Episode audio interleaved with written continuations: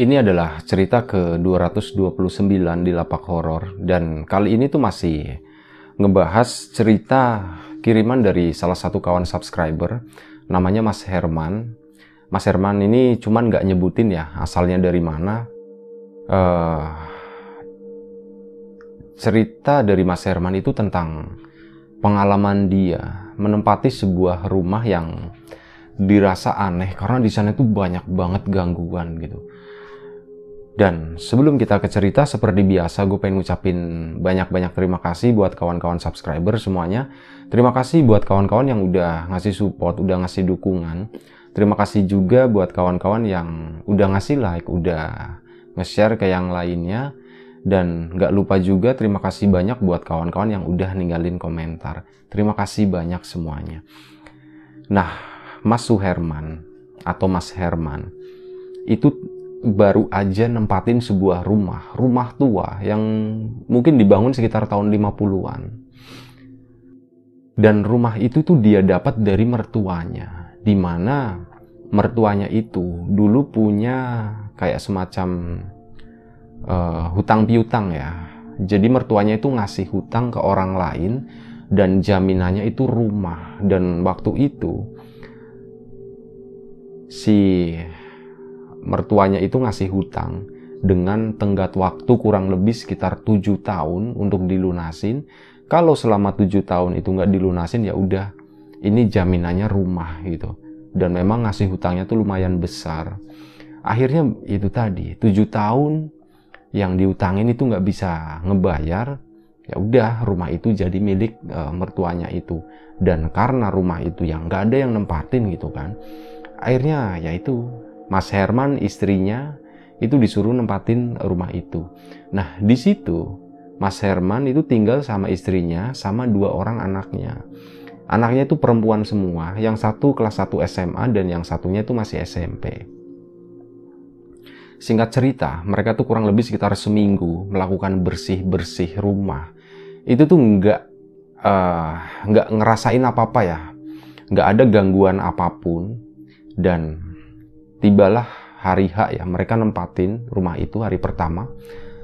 Pun sama cuman memang waktu pertama kali nempatin rumah itu Mas Herman tuh ngerasa nggak bisa tidur gitu sama istrinya itu nggak bisa tidur sama sekali. Ya mungkin karena tempat baru ya butuh penyesuaian juga dan ya mereka nganggap itu adalah hal yang wajar. Sampai akhirnya hari kedua waktu itu sekitar jam 10 malam. Kejadiannya itu jam 10 malam. Mas Herman sama istrinya karena malam sebelumnya kan kurang tidur kan. Mereka itu dari jam 8 itu udah tidur. Ketiduran gitu ya di kamar. Sementara anaknya dua orang anaknya itu nempatin kamar sebelahnya. Udah mereka tidur dari jam 8 sampai akhirnya sekitar jam 10 mereka itu tiba-tiba kebangun karena ngedenger ada suara berisik, ada suara gaduh, kayak suara orang ngobrol, orang yang lagi bertamu, suaranya itu bapak-bapak semua gitu, ngobrol ketawa, ngobrol ketawa, dan itu tuh berisik banget. Ya pastinya Mas Herman itu keganggu kan waktu itu. Akhirnya Mas Herman tuh bangunin istrinya, Dek, itu siapa ya? Suara kok ada orang ngobrol? Kencang banget. Kayaknya suaranya tuh deket banget gitu. Nah iya mas. Itu suara siapa ya mas? Ya coba teng coba tengokin mas. Dicariin suaranya dari mana gitu. Dan waktu mas Herman akhirnya mas Herman bangun ya dari tempat tidurnya. Pas dia lagi buka pintu gitu. Uh, setelah dibuka kan suaranya tambah kenceng gitu kan. Nah itu mas Herman tuh ngerasa ini suaranya tuh dalam rumah deh katanya dan setelah diikuti gitu ya, wah suara itu dari depan kayaknya dari arah ruang tamu situ. Mas Herman maju mundur maju mundur antara berani atau enggak gitu ya. Akhirnya Mas Herman pun memberanikan diri. Dia jalan pelan pelan pelan karena suaranya itu jelas banget datang dari ruang tamu tadi. Udah pelan pelan dia datang dan antara ruang tengah dan ruang tamu itu skatnya pakai pakai horden cuman pakai itu doang dan waktu itu Mas Herman coba ngintip gitu. Pas ngintip ternyata bener di situ tuh rame orang. Ada sekitar lima orang di sana, di mana dua orang itu nempatin uh, sofanya tuan rumah, sementara yang tiga orang itu kayak tamu gitu. Dan di sana tuh lengkap ada minumannya, ada cemilannya, kayak bener-bener orang lagi bertamu. Mereka ngobrol asik banget, ketawa-tawa. Mas Herman ya kaget, bingung, takut gitu kan Waduh ini siapa? Langsung Mas Herman balik lagi ke kamarnya. Ditutup pintunya, dikunci. Dek, Mas tadi udah ngeliat. Di ruang tamu itu banyak orang dek katanya. Waduh mas itu siapa mas? Jangan-jangan orang gak bener lagi, orang jahat lagi. Itu dia mas juga gak tahu. Tapi kalau orang jahat, ya ngapain dia kayak gitu? Ngapain cuma di ruang tamu aja gitu? Harusnya kan mereka ya keliling-keliling rumah ngapain kek? Kenapa mereka malah kayak orang yang lagi bertamu gitu kan Mas Herman juga bingung. Nah terus istrinya wah ya mungkin jangan-jangan bukan orang kali Mas. Ya bisa jadi sih dek gitu. Mas coba dong aku mau lihat dong. Aku penasaran katanya. Istrinya malah kayak gitu dia penasaran gitu. Ya udah sini dek tapi pelan-pelan ya gitu. Pelan-pelan itu pintu kamar buka aja takutnya ada apa-apa kita langsung balik masuk uh, pintu kamar gitu udah Mas Herman sama istrinya itu ngendap-ngendap gitu ya pelan-pelan ngedeketin suara tadi ke ruang tamu. Istrinya buka gini. Dan pas istrinya buka tiba-tiba suaranya tuh hilang. Dan di ruang tamu itu itu nggak ada siapa-siapa. Di sana kosong bersih. Nggak ada asap rokok yang tadinya mereka tuh juga pada ngerokok gitu ya. Itu asap rokok nggak ada. Minumannya juga nggak ada. Mejanya tuh bersih kayak semula Istrinya bingung kan, loh, mas kok sepi ya? Dan suaranya hilang ya, kenapa ya? Wah nggak tahu deh, ini beneran deh nggak beres deh. Dia masuk kamar lagi, masuk kamar. Akhirnya mereka berdua masuk kamar lagi kan. Mereka ngobrol-ngobrol, sempat ngobrol, apa ya itu ya? Kok aneh banget gitu. Sumpah deh mas nggak bohong, tadi tuh ngeliat di sana tuh banyak orang. Sementara istrinya kan memang dia nggak ngeliat ya, pas dibuka gini udah hilang. Ya udah mas kita istirahat lagi aja istirahat udah akhirnya mereka pun kembali nyoba istirahat. Udah mereka tiduran tapi mata mereka tuh masih kelap kelip kelap kelip. Mas aku nggak iso turu katanya. Aku nggak bisa tidur mas katanya. Kenapa deh masih kepikiran suara tadi ya udah udah nggak usah dipikirin. Udah tidur aja gitu. Besok lagi kita obrolinnya katanya. Udah mereka udah diem dieman gitu. Ada sekitar setengah jam mereka diem tapi mereka belum tidur. Nah waktu itu udah hampir ya hampir tengah malam gitu ya tiba-tiba pelan-pelan sayup-sayup suara itu tuh muncul lagi. Suara orang ngobrol sama kayak yang tadi. Pelan terus keras keras keras keras kayak gitu. Dan akhirnya itu benar-benar menggema seluruh ruangan. Kayak benar-benar orang yang lagi bertamu dan heboh banget. Itu tuh ya akhirnya wah dek itu datang lagi dek kata Mas Herman. Coba deh Mas mau nengokin lagi. Tadi kan katanya nggak ada. Kamu mau ikut nggak katanya. Nggak Mas aku takut Mas. Aku di sini aja katanya. Akhirnya Mas Herman pun ke depan keluar apa keluar kamar lagi ke depan diikutin sama istrinya. Tapi istrinya ngikutnya tuh agak jauh ya. Istrinya tuh cuma kayak berdiri di depan kamar doang sementara Mas Herman tuh ngedeket ke arah horden tadi. Dibuka sama Mas Herman kordennya itu. Srek Pas di sana Mas Herman itu kaget banget. Itu orang-orang yang ada di sana yang tadinya lagi ngobrol suaranya ya. Begitu dibuka begini suaranya hening dep dan orang-orang itu itu pada nengok ke arah Mas Herman semua kayak gini. Dan mereka tuh kayak gitu ketawa, nyengir, matanya tuh kayak melotot kayak gitu. Ya gue nggak tahu ya. Itu cuman gambaran dari Mas Herman tuh seperti itu. Gue nggak tahu visual aslinya tuh seperti apa. Ya kurang lebih seperti itu sih. Kayak gitu lima limanya itu ngeliatin ke arah Mas Herman. Semua Mas Herman kaget kan. Astagfirullahaladzim dia langsung lari balik lagi. Istrinya udah masuk duluan gitu kan udah ketakutan. Udah akhirnya pintunya dikunci. Kenapa mas? Kenapa mas? Kenapa mas? Itu dek tadi pas mas buka itu orang-orang itu. Kan suaranya hilang kan dek iya suaranya hilang tiba-tiba berhenti mas. Pas mas buka gini itu orang-orang ternyata pada ngeliatin ke arah mas semua gitu. Kayaknya tahu. Mas itu udah eh mas tuh lagi ngeliatin mereka gitu. Mas datang mereka tuh kayak udah nungguin dek kayak gitu. Itu waduh kok serem banget ya mas ya kayak gitu. Itu apa sih mas? Ya itu udahlah itu setan deh itu beneran setan. Deh ini rumah ini kayaknya nggak bener nih. Kayaknya mungkin karena lama nggak ditempatin juga mungkin ya belum dibersihin ya mungkin adalah seperti itu. Mereka mungkin mau kenalan gitu kata Mas Herman tuh mikirnya cuman kayak gitu. Ya udah kita istirahat deh kita, kita istirahat. Beneran deh malam ini kita istirahat. Akhirnya udah mereka balik lagi uh, ke tempat tidur. Mereka ngobrol-ngobrol gitu ya sambil nunggu ngantuk. Sampai akhirnya mereka tuh baru bisa tidur itu sekitar jam 3 pagi. Udah mereka tidur. Dan ya sampai pagi ya normal semuanya. Dan keesokan harinya tuh mereka bilang mereka ngobrol lagi ya pak yang eh mas ya manggilnya ya mas uh, yang kita alami semalam itu jangan diceritain ke anak-anak ya katanya. Iyalah jangan jangan diceritain ke anak-anak kasihan. Nanti mereka ketakutan lagi malah ngerepotin gitu kan. Udah diem aja gitu. Udah akhirnya pun mereka sepakat untuk nggak cerita apa pun ke anak-anak. Dan waktu itu Mas Herman berangkat kerja anak-anaknya tuh berangkat sekolah. Sementara istrinya Mas Herman itu bilang Mas aku kayaknya nggak berani deh tinggal di rumah sendirian biarpun siang. Aku mau ke rumah bapak aja katanya. Ya udah akhirnya siang itu ya udah kamu ke rumah bapak kamu aja. Nanti kalau misalnya anak-anak udah pulang nanti kamu boleh pulang kata Mas Herman tuh kayak gitu. Udah akhirnya kayak gitu udah nyebar.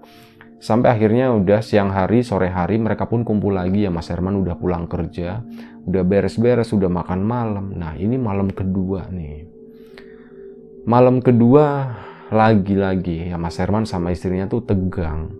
Karena pengalaman yang kemarin ya mereka tuh nungguin gitu. Oh, jangan-jangan yang ada yang bertamu lagi gitu kan. Udah kalau ada yang bertamu bakalan dicuekin lah udah bodoh amat kata istrinya itu. Tapi ditungguin mereka tuh sampai jam 10 malam kok. Belum keluar ya mas ya suaranya ya suara tamunya gitu. Kok nggak ada lagi kayak kemarin? Akhirnya mereka pun udah kita tidur deh kata Mas Herman. Udah kita tidur aja deh udah akhirnya mereka pun tidur. Baru mau mau mau tidur sekitar 15 menit mereka belum tertidur. Tiba-tiba mereka tuh dibangunin lagi dengan suara lagi.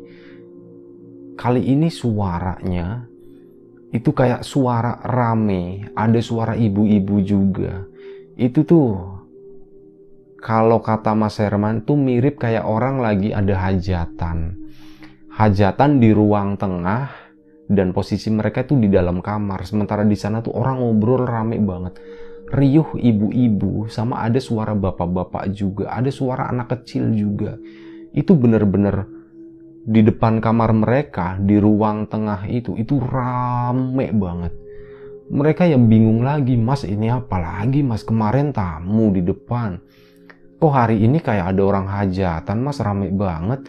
Dan ini kok di ruang tengah depan kamar kita? Katanya kayak gitu. Nah udah kan.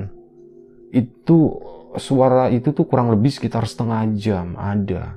Sampai akhirnya suara tadi tuh pelan-pelan uh, ngilang ya. Pelan-pelan hilang hilang hilang hilang hilang udah hening lagi gitu kan. Dan pas lagi hening-heningnya itu ada suara orang ngetok kamarnya Mas Herman. Tok tok tok tok. Pak pak tok tok tok tok. Mak mak kayak gitu. Itu suara anaknya anak yang pertama. Itu katanya kayak gitu. Wah itu si itu deh si ini si Nita lah anggap aja ya. Nggak disebutin namanya sih. Itu si Nita gitu. Udah akhirnya buka buka apa buka apa? Nah akhirnya uh, ya buka aja buka aja. Nah akhirnya si istrinya nih yang buka. Cekrek dibuka pas dibuka istrinya tuh lompat ke belakang. Ya Allah ya Allah ya Allah gitu. Astagfirullahaladzim astagfirullahaladzim pak pak pak gitu. Mas Herman pun bangun gitu ya. Nah pas Mas Herman gini juga bangun juga Mas Herman pun ngelihat di sana. Jadi di ruang tamu pas mereka buka pintu itu nggak ada anaknya ya. Anak yang pertama itu yang tadi ngetok suaranya itu nggak ada. Tapi di sana itu ada kayak orang lagi foto bersama berjejer baris gini itu ada yang pakai gamis, ada yang pakai batik, macem-macem lah. Itu bener-bener kayak orang hajatan dan posisi mereka itu kayak lagi mau foto bersama, tapi banyak banget. Kalau foto bersama kan kalau misal pengantin gitu ya, kan paling cuman berapa doang. Nah ini tuh bener-bener panjang penuh satu ruang tengah dan mereka tuh ngeliatin ke arah mereka berdua itu ke Mas Herman sama istrinya yang lagi bengong di depan pintu ekspresi yang dikeluarin sama orang-orang itu pun sama. Makhluk-makhluk itu ya, sosok-sosok itu pun sama. Nyengir sambil he, kayak gitu. Ya istrinya lompat dong, Mas Surman lompat dong, langsung ditutup pintunya. Burak gitu. Nah pas ditutup, saking kencengnya nutup pintu, anaknya, dua anaknya itu kebangun. Pas kebangun, Mas Herman ngedenger suara cekrek gitu kan, bah itu si ini si Nita sama Ayu lah katakanlah adiknya ya. Si Nita sama Ayu dek bangun gitu. Oh iya pak. Wah jangan-jangan nanti kenapa-napa nih. Akhirnya apa? Mereka si anaknya ya Nita sama Ayu ngetok lagi pak pak pak gitu. Pak pak. Nah pak itu itu ada yang ngetok lagi gitu kata istrinya. Yaudah kamu buka deh katanya. Enggak nggak mau nggak mau. Masih aja yang buka katanya. Ya udah dah dibuka sama Mas Herman. Mereka tuh sebenarnya masih takut ya masih trauma dengan yang tadi Nah pas dibuka itu beneran anaknya, ada Sinita sama Ayu. Pak, kenapa Pak? Tadi aku nggak dengar ada suara ini, suara pintu gebrak gitu. Kayaknya suara ini deh kamar Bapak deh. Kenapa Pak? Ada apa Pak? Oh nggak ada apa-apa, nggak ada apa-apa katanya kayak gitu. Masih di uh, masih diumpetin ya cerita itu dan apa namanya uh, akhirnya si apa si Nita sama Ayu pun balik lagi ke kamar oh ya udah kalau kayak gitu uh, kami tidur lagi deh gitu. Tadi kaget aja pas suaranya kenceng banget. Iya tadi bapak nggak sengaja gitu ketendang kayak gitu. Sorry. Sambil ngopi ya. Udah malam itu mereka pun udah intinya singkat cerita tuh mereka lanjut tidur ya. Masih dengan pengalaman yang seperti itu yang bikin trauma mereka itu. Dan keesokan harinya itu si Nita sama Ayu. Jadi pas dari kamar bapaknya tuh mereka tuh sempat ngobrol katanya. Mereka tuh ngobrol. Jadi pas paginya pak aku mau cerita tentang semalam pak. Jadi semalam itu aku sama Ayu kebangun dan ngedenger di depan kamar itu rame banget. Kayak banyak orang. Nah Mas Herman sama istrinya saling nengok dong. Wah ini kayaknya mereka berdua juga ternyata ngedenger gitu kan. Akhirnya cerita tuh si siapa sih anaknya itu. Iya pak semalam kami ngedenger suara berisik banget. Kayak orang lagi ada hajatan kayak gitu pak gitu. wah bener nih berarti sama nih apa yang didengar. Akhirnya uh, si siapa istrinya Mas Herman pun cerita gitu ibunya itu. Iya nit ibu juga semalam sama bapak juga ngedenger sebenarnya suara itu semalam kenapa pintunya dibrak gitu karena kaget gitu. Diceritain semuanya termasuk kayak pas dibuka. Jadi semalam itu ada yang ngetok kamar ibu. Suaranya suara kamu nit gitu. Pas ibu buka ternyata itu di depan itu udah banyak orang nit gitu. Nah istri eh, apa sih anaknya diceritain kayak gitu. Lah bu ngapain sih diceritain kayak gitu? Kita kan jadi takut gitu. Nah udah mulai hari itu udah tahu nih si anaknya gitu ya ada kejadian seperti itu. Jadi intinya seisi rumah itu udah tahu ada yang nggak bener waktu itu di rumah itu. Dan akhirnya sama ya Mas Herman berangkat kerja si anaknya sekolah istrinya pun uh, migrasi ke rumah bapaknya. Dan singkat cerita lagi ini malam ke berapa ya? Dua, tiga, malam keempat ya, malam selanjutnya lah pokoknya. Nah, malam selanjutnya itu si Nita sama Ayu, anaknya itu, itu udah nggak berani tidur sendirian. Mereka itu pindah ke kamar orang tuanya. Mereka gabung berempat di situ tidur di kamar itu karena alasan takut tadi dan Mas Herman sama ibunya juga seneng karena di kamar itu jadinya rame gitu kan. Pas entah jam berapa ya, mungkin sekitar jam 10-an. Si Ayu yang paling kecil itu minta, "Pak, aku kebelet pipis katanya. Nah, si Mas Herman nyuruh istrinya, sana mah dianterin itu si Nita, eh si Ayu katanya, pipis. Apa aku nggak berani katanya. Uh, sampean aja yang nganterin katanya. Oh ya udah ya udah akhirnya dianterin sama Ayu kan. Nah pas dianterin si istrinya sama Nita kakaknya itu itu juga ah kita juga nggak berani di kamar sendirian gitu. Kita ikut aja deh ikut aja. Akhirnya mereka berempat semuanya ke belakang sana ke arah kamar mandi toilet situ ya. Udah di situ akhirnya mereka pun buang air gantian. Dan pas lagi nungguin nungguin giliran gantian itu tiba-tiba dari ruang tengah itu kedengeran ada suara La ilaha illallah, la ilaha illallah. Itu kayak orang lagi tahlil. Tahlil rame-rame gitu ya. Dan suaranya itu kenceng banget, menggema banget. Itu bener-bener kayak, ya orang lagi tahlil lah. Puluhan orang gitu membaca satu kalimat bersamaan gitu ya. Ya itu, kejadiannya kayak gitu. Mereka di belakang itu, Pak, Pak, Pak, Mas, Mas, Mas, itu Mas, suaranya datang lagi gitu dan malam ini tahlilan suara tahlilan katanya. Oh ya udah ya udah deh biarin aja biarin aja. Mas Herman juga nggak tahu ya. Udah ketakutan dia bingung mau ngapain gitu ya. Udah biarin aja diemin aja. Kita tungguin di sini deh kita tungguin di sini aja mendingan. Akhirnya mereka berempat tuh ya udah cuman ngumpul di depan toilet situ ketakutan mereka. Sampai akhirnya mungkin kurang lebih sekitar 15 menit ya kayak uh, acara tahlil pada umumnya itu selesai. Dan pas selesai itu semuanya tiba-tiba hening hilang suara itu. Akhirnya ya mereka berempat, oh suaranya udah hilang, yuk kita ke sana yuk. Tapi pelan-pelan ya. Nah si Mas Herman ya dia sebagai kepala rumah tangga gitu ya.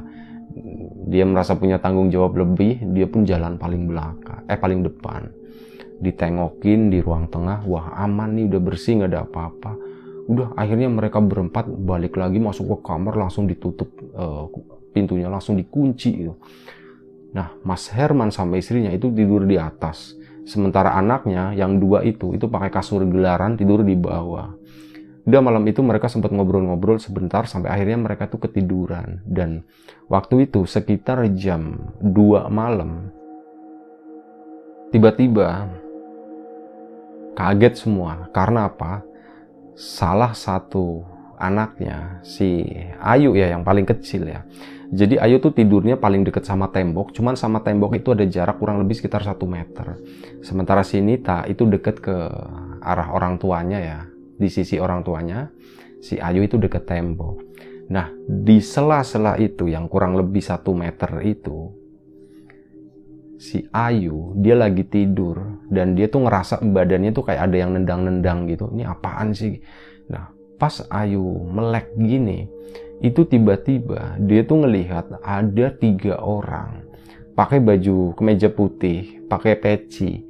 Mereka tuh lagi berdoa gini ya. Satu di atas mukanya, kedua di perutnya, yang satunya di kakinya. Lagi duduk bersila, itu kayak lagi berdoa ngedoain si Ayu. Kayak ngedoain, apa ya, kayak orang lagi ngedoain orang mati gitu.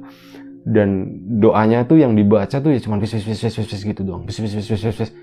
Nggak jelas gitu ya, itu baca doa apaan ya Ayu ngeliat kayak gitu teriak dong. Wah gitu kan bapak bapak gitu. Akhirnya pada bangun semua gitu.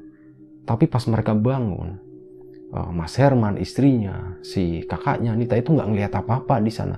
Cuma ngelihat Ayu yang lagi ketakutan sampai akhirnya udah Yuyu kamu kenapa kamu kenapa kamu kenapa?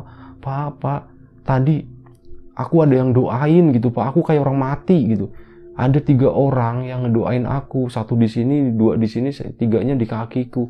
Mereka berdoa semua gini pak. Bacaannya udah juga nggak jelas pak. Jadi aku takut aku teriak katanya. Nah udah mas Herman istrinya semuanya wah stres gitu kan.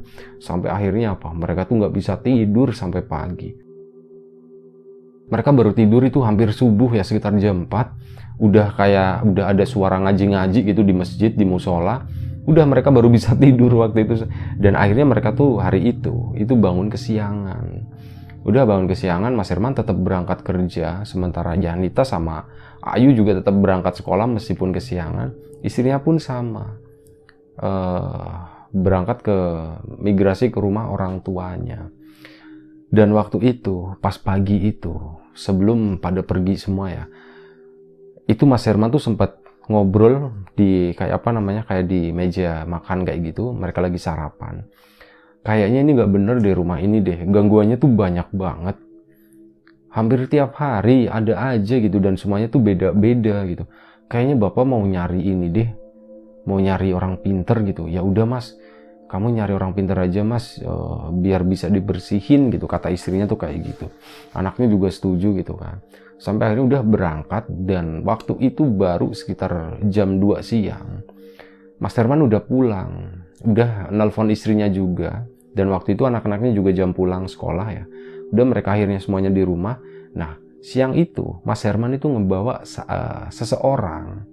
Itu yang menurut Mas Herman itu adalah orang pinter gitu udah dia datang ke situ nah mah uh, ini bapak bawa ini si bapak ini ya nggak disebutin namanya.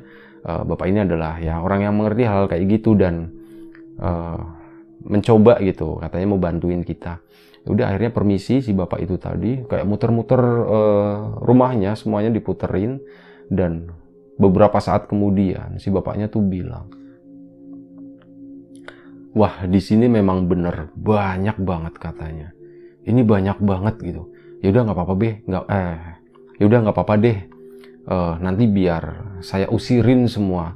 Dan nanti rumah ini saya pagerin biar mereka tuh nggak bisa masuk lagi katanya seperti itu. Ya udah ritual-ritual didoain apalah. Gue juga nggak tahu nggak dikasih gambaran detailnya seperti apa. Udah akhirnya singkat cerita acara itu pun selesai dan si bapak itu pulang. Diamplopin gitu kan seperti biasa. Dan si bapak tadi terima kasih gitu pulang. Nah setelah pulang mereka tuh udah agak tenang gitu kan.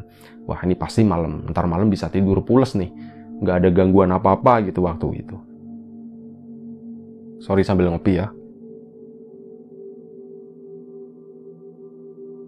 Nah malam harinya malam keberapa entahlah gue udah lupa pokoknya malam harinya si Mas Herman istrinya dan anaknya itu masih tidur di satu kamar masih ngumpul di situ. Mereka masih pada trauma semua. Dan jam berapa ya? Aduh, ya jam 11 malam lah. Itu tiba-tiba mereka tuh dikagetin gitu. Mereka tuh sebenarnya udah merasa tenang. Ah, tenang aja. Mereka udah diusir, mereka udah dipagerin. Tapi yang namanya trauma itu masih ada. Jadi mereka tuh belum berani sendiri-sendiri. Akhirnya mereka tidur pun ngumpul. Nah, waktu itu jam 11 malam, mereka masih ngobrol di situ, belum bisa tidur dan pas lagi ngobrol tiba-tiba mereka obrolan mereka tuh berhenti gara-gara ada suara itu adalah suara TV yang tiba-tiba nyala di ruang tengah dan volumenya tuh gede banget. Itu tuh bikin kaget gitu ya. Astagfirullahaladzim itu TV kok nyala sendiri gitu. Siapa yang nyalain ya katanya. Wah nggak tahu pak. Waduh jangan-jangan coba tengokin tengokin.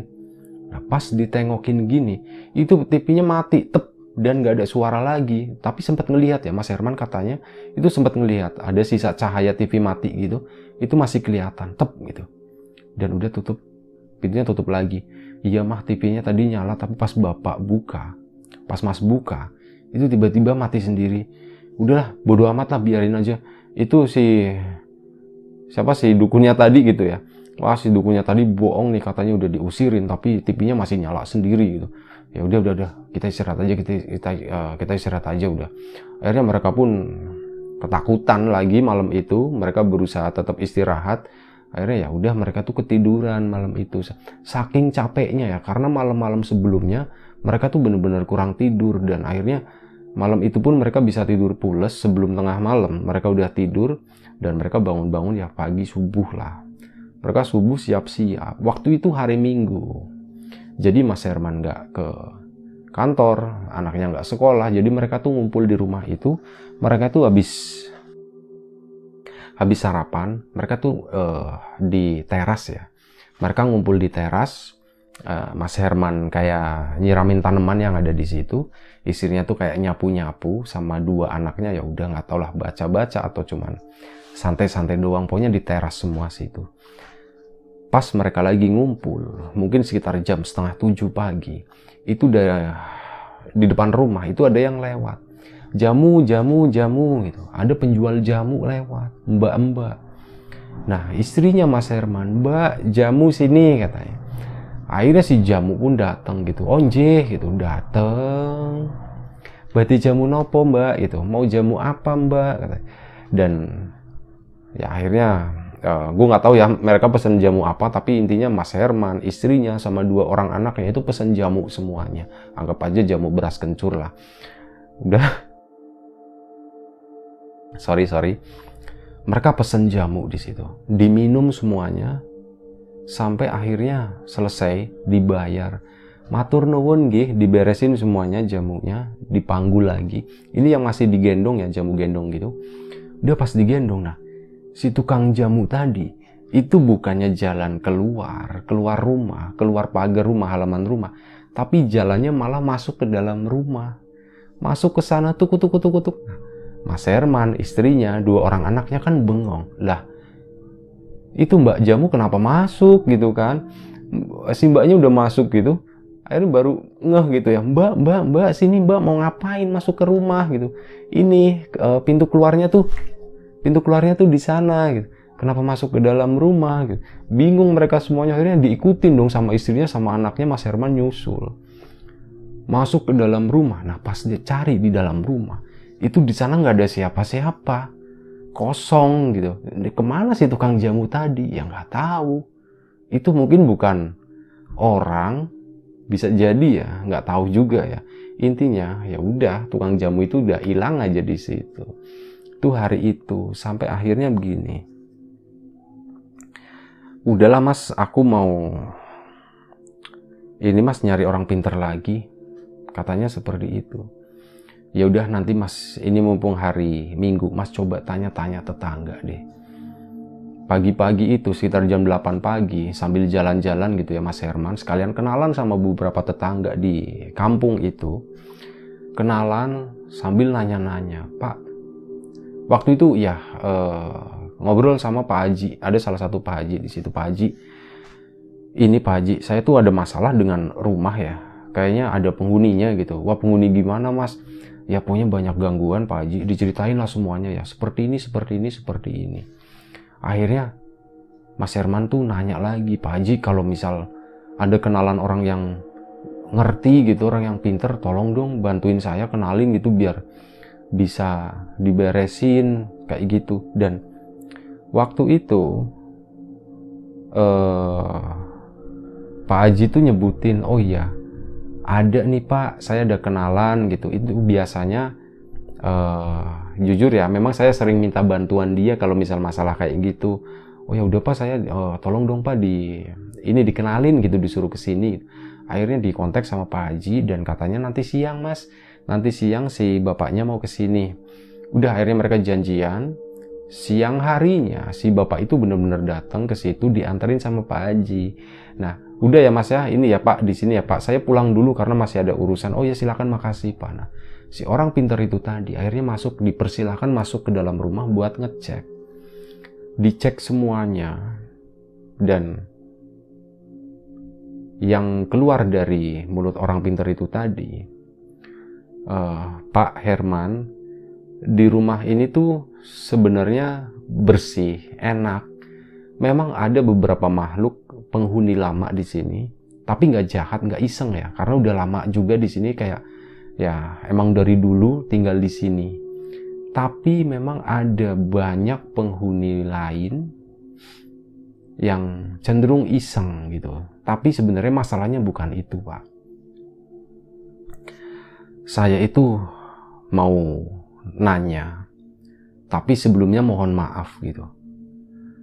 Rumah ini Pak Herman itu proses mendapatkan rumah ini tuh bagaimana? Maaf ya Pak, sebelumnya minta maaf banget. Oh iya Pak, nggak apa-apa Pak. Uh, soalnya begini, kalau yang saya lihat ini kan rumah tua ya Pak ya.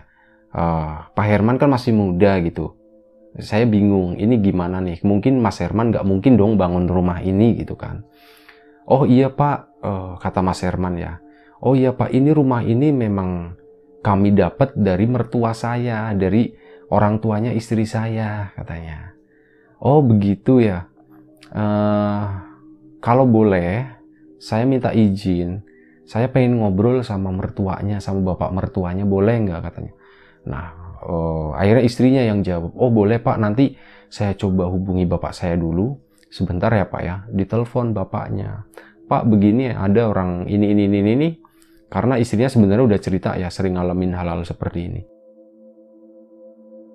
akhirnya si bapaknya istrinya itu mertuanya Mas Herman pun mau dan siang itu dibawa semuanya ke sana orang pintar tadi Mas Herman istrinya sama dua orang anaknya semuanya ke sana ke mertuanya Mas Herman. Nah sampai di sana si orang pintar tadi tuh langsung nanya Pak langsung aja ya Pak ya maksud dan tujuan saya ke sini. Tadi saya udah sedikit menjelaskan ke Mas Herman dan saya juga sedikit tahu mengenai rumah itu gitu.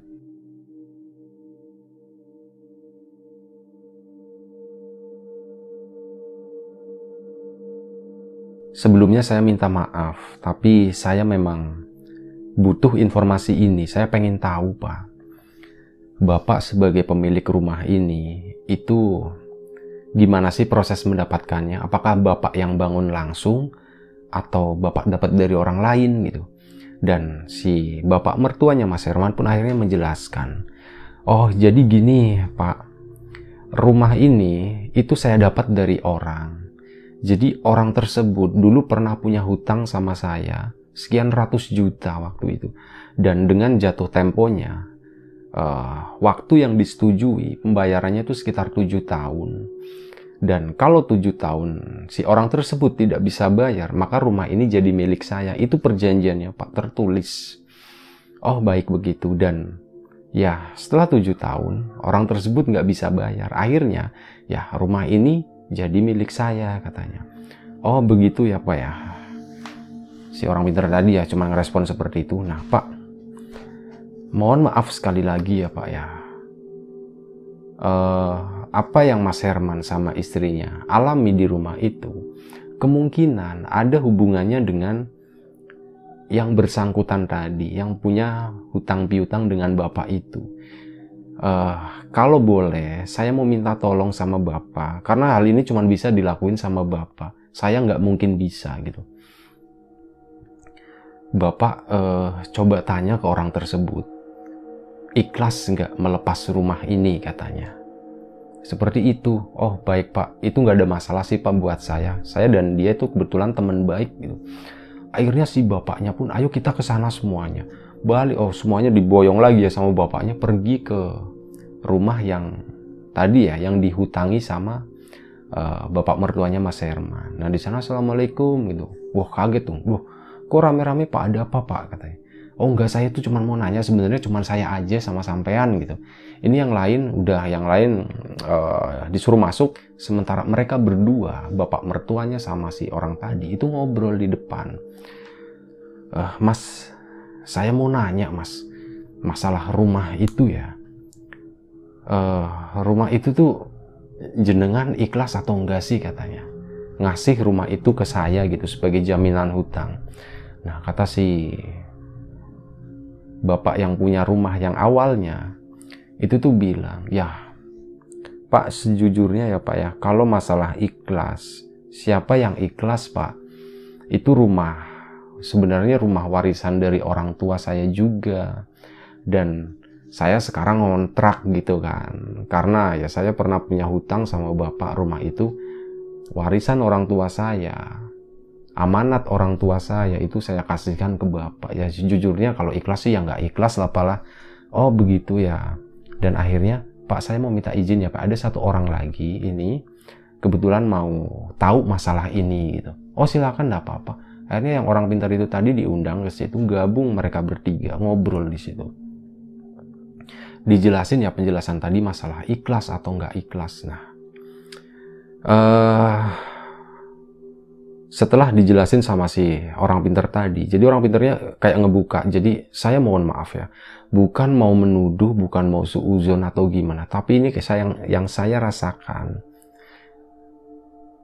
ada masalah di sini, Pak saya merasakan uh, ada sesuatu yang merasa dirugikan dalam hal hal ini gitu. Dan saat bilang kayak gitu, si bapak yang tadi ya, bukan mertuanya Mas Herman, Mas Herman tapi yang temennya itu, yang dihutangi itu, itu langsung ngebuka obrolan. E, Pak saya mohon maaf. Memang iya betul. Karena nggak ikhlas itu tadi saya itu melakukan hal yang ya kurang terpuji sebenarnya gitu. Dia mengakui gitu. Dia itu mengirimkan sesuatu yang tujuannya itu adalah supaya siapa pun yang nempatin di rumah itu itu nggak betah intinya kayak gitu. Karena nggak suka itu tadi. Dan setelah mendengar itu ya si mertuanya Mas Herman itu bilang ya Allah kalau masalahnya kayak gitu Pak kenapa nggak bilang ke saya? Gitu kan. Kita udah temenan lama gitu. Kenapa nggak bilang? Gini aja deh uh, itu rumah itu kalau memang bapak nggak ikhlas itu rumah ini saya kembalikan ke bapak tapi berurusan dengan hutang itu ya namanya hutang ya Pak ya. Itu hutang di dunia tapi nanti bisa dihitungnya tuh sampai akhirat gitu ya jadi gini aja Pak. Yang enak ini rumah saya kembalikan ke Bapak. Masih punya Bapak. Tapi hutangnya juga belum lunas Pak. Kita harus bikin perjanjian lagi. Saya sih maunya itu saya kasih tenggat waktu kurang lebih sekitar lima tahun. Tapi bapak itu harus bayarnya nyicil gitu. Nah setelah dikasih kayak gitu si bapak yang tadi ya itu kayak menyambut dengan senang hati ya. Wah alhamdulillah banget pak kalau kayak gitu terima kasih banget. Saya mohon maaf sekali lagi ya pak ya udah melakukan sesuatu yang buruk gitu, sesuatu yang semestinya nggak dilakuin gitu karena mungkin saya emosi. Gitu. Intinya dia minta maaf ya seperti itu dan akhirnya ya itu tadi rumahnya dibalikin dan uh, apa namanya bikin perjanjian hutang lagi gitu dicicil selama lima tahun. Itu harus dicicil dan udah selesai. Mas Herman kurang lebih sekitar seminggu pun pindah dari rumah itu. Dan sebelum pindah itu udah di bapak mertuanya baik banget ya. Udah dibilangin man gini aja ini kan rumah udahlah bu bukan hak kita gitu ya. Bapak juga minta maaf. Sementara waktu gini aja kamu ngontrak deh gitu bapak yang kontrakin katanya. Kamu kan kemarin habis bapak tahu kamu habis bayarin ini anak-anak masuk sekolah kan. Pasti duitnya juga lagi tipis gitu bilangnya kayak gitu tapi sambil bercanda ya. Oh iya pak bener pak. Emang lagi ini pak lagi berat banget pak ya udah gini aja deh kamu cari kontrakan nanti bapak yang atur lah semuanya katanya kayak gitu. Akhirnya Mas Herman sama istrinya pun nyari kontrakan dan ketemu dan ya segera lah.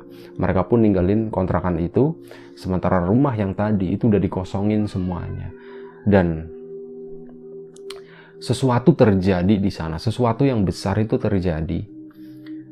Jadi orang yang tadinya hutang itu setelah ada perjanjian baru dan dia tuh katanya dia udah memang niat. Bismillah saya mau niat gitu. Saya mau melunasi utang itu dalam waktu lima tahun dengan cara dicicil gitu. dia tuh bener-bener punya niat seperti itu. Dan ternyata usahanya itu jadi boom gitu ya. Usahanya jadi lancar jaya makmur berkembang besar pesat banget sampai akhirnya cuma dalam waktu satu setengah tahun. Itu yang namanya hutang sama mertuanya Mas Herman itu dilunasin semuanya. Beres semuanya. Dan si bapak tadi itu akhirnya beli rumah lagi rumah yang lebih bagus dari yang rumah tua ini ya. Udah ditempatin di sana dan bilang itu tapi sebelum satu setengah tahun ya sebelum dilunasin semuanya itu udah eh, kejadiannya itu udah diomongin sama si mertuanya Mas Herman itu, ah, Mas gini mas, Alhamdulillah saya dikasih rezeki itu bagus banget sekarang. Saya bisa nyicil, nyicilnya pun bisa cepet ya insya Allah katanya. Nah, ini Herman, itu kan sekarang ngontrak kan. Daripada dia ngontrak, udah mending rumah ini itu ditempatin sama Herman katanya. Saya ikhlas katanya kayak gitu. Dan akhirnya memang uh, Herman itu kan ngontraknya 2 tahun dan waktu itu mungkin baru sekitar satu tahun gitu ya. Akhirnya Mas Herman pun setuju dan mereka tuh pindah. Mas Herman isinya keluarganya itu pindah lagi ke rumah itu. Tapi setelah menempati rumah itu ya semuanya baik-baik aja benar-benar berbeda dengan pengalaman yang pernah mereka alami sebelumnya. Jadi kayak di cerita ini itu sebenarnya di awal ya gue itu ada yang lupa Mas Herman pertama kali nempatin rumah itu dulu banget ya pertama kali ya. Beberapa hari sorry hari pertama kalau nggak salah hari pertama. Itu memang ada kejadian aneh ini yang gue lupa nih. Jadi ada orang ngetok gitu assalamualaikum assalamualaikum ada tamu gitu. Pas dibuka pak eh, mohon maaf ini rumahnya bapak ini gitu. Dia menyebutkan nama yang Mas Herman nggak kenal gitu. Akhirnya Mas Herman pun bilang maaf pak uh, salah alamat gitu. Dan kejadian itu uh, dalam sehari ya hari itu itu ada empat kali. Orang ngetok orang yang beda-beda itu nanya alamat. Tapi alamatnya orang yang nggak jelas. Entah siapa gitu ya. Itu yang pertama uh, kejadian pertama. Sorry yang tadi nggak gue ceritain. Nah tadi kan ceritanya udah selesai ya. Hutang piutangnya selesai Mas Herman kembali nempatin rumah itu lagi dengan cara gratis dan si orang tadi pun usahanya jadi bagus. Nah, kalau kata Mas Herman sih ada sesuatu yang menarik di sini masalah hutang piutang gitu. Uh, terutama sama orang yang punya hutang tadi ya. Jadi uh, sesuatu terjadi setelah kayak dia tuh punya niat, niat yang tulus, niat yang kuat buat melunasi apa yang disebut hutang itu. Dan ya rezekinya jadi dibukain, semuanya dimudahkan. Kayak gitu. Intinya seperti itu. Silakan kawan-kawan menyimpulkan sendiri dan ya gue mohon maaf misal ada salah-salah kata, ada sesuatu yang membingungkan dalam ngebawain cerita ini, ini suara gue udah mulai hilang nih. Ya kalau agak membingungkan dalam ngebawain cerita ini memang ceritanya cukup panjang ya menurut gue panjang dan kompleks gitu. Ya semoga cerita ini tetap bisa menghibur dan kita bisa mengambil sesuatu yang positif dari cerita ini dan kita buang jauh-jauh sesuatu yang negatif. Semoga kita bisa mengambil pelajaran dari apa yang pernah dialami sama Mas Herman dan keluarganya. Sekali lagi gue mohon maaf kalau misal ada sesuatu yang gak mengenakan. Terima kasih banyak. Jaga kesehatan kawan-kawan semuanya. Assalamualaikum warahmatullahi wabarakatuh.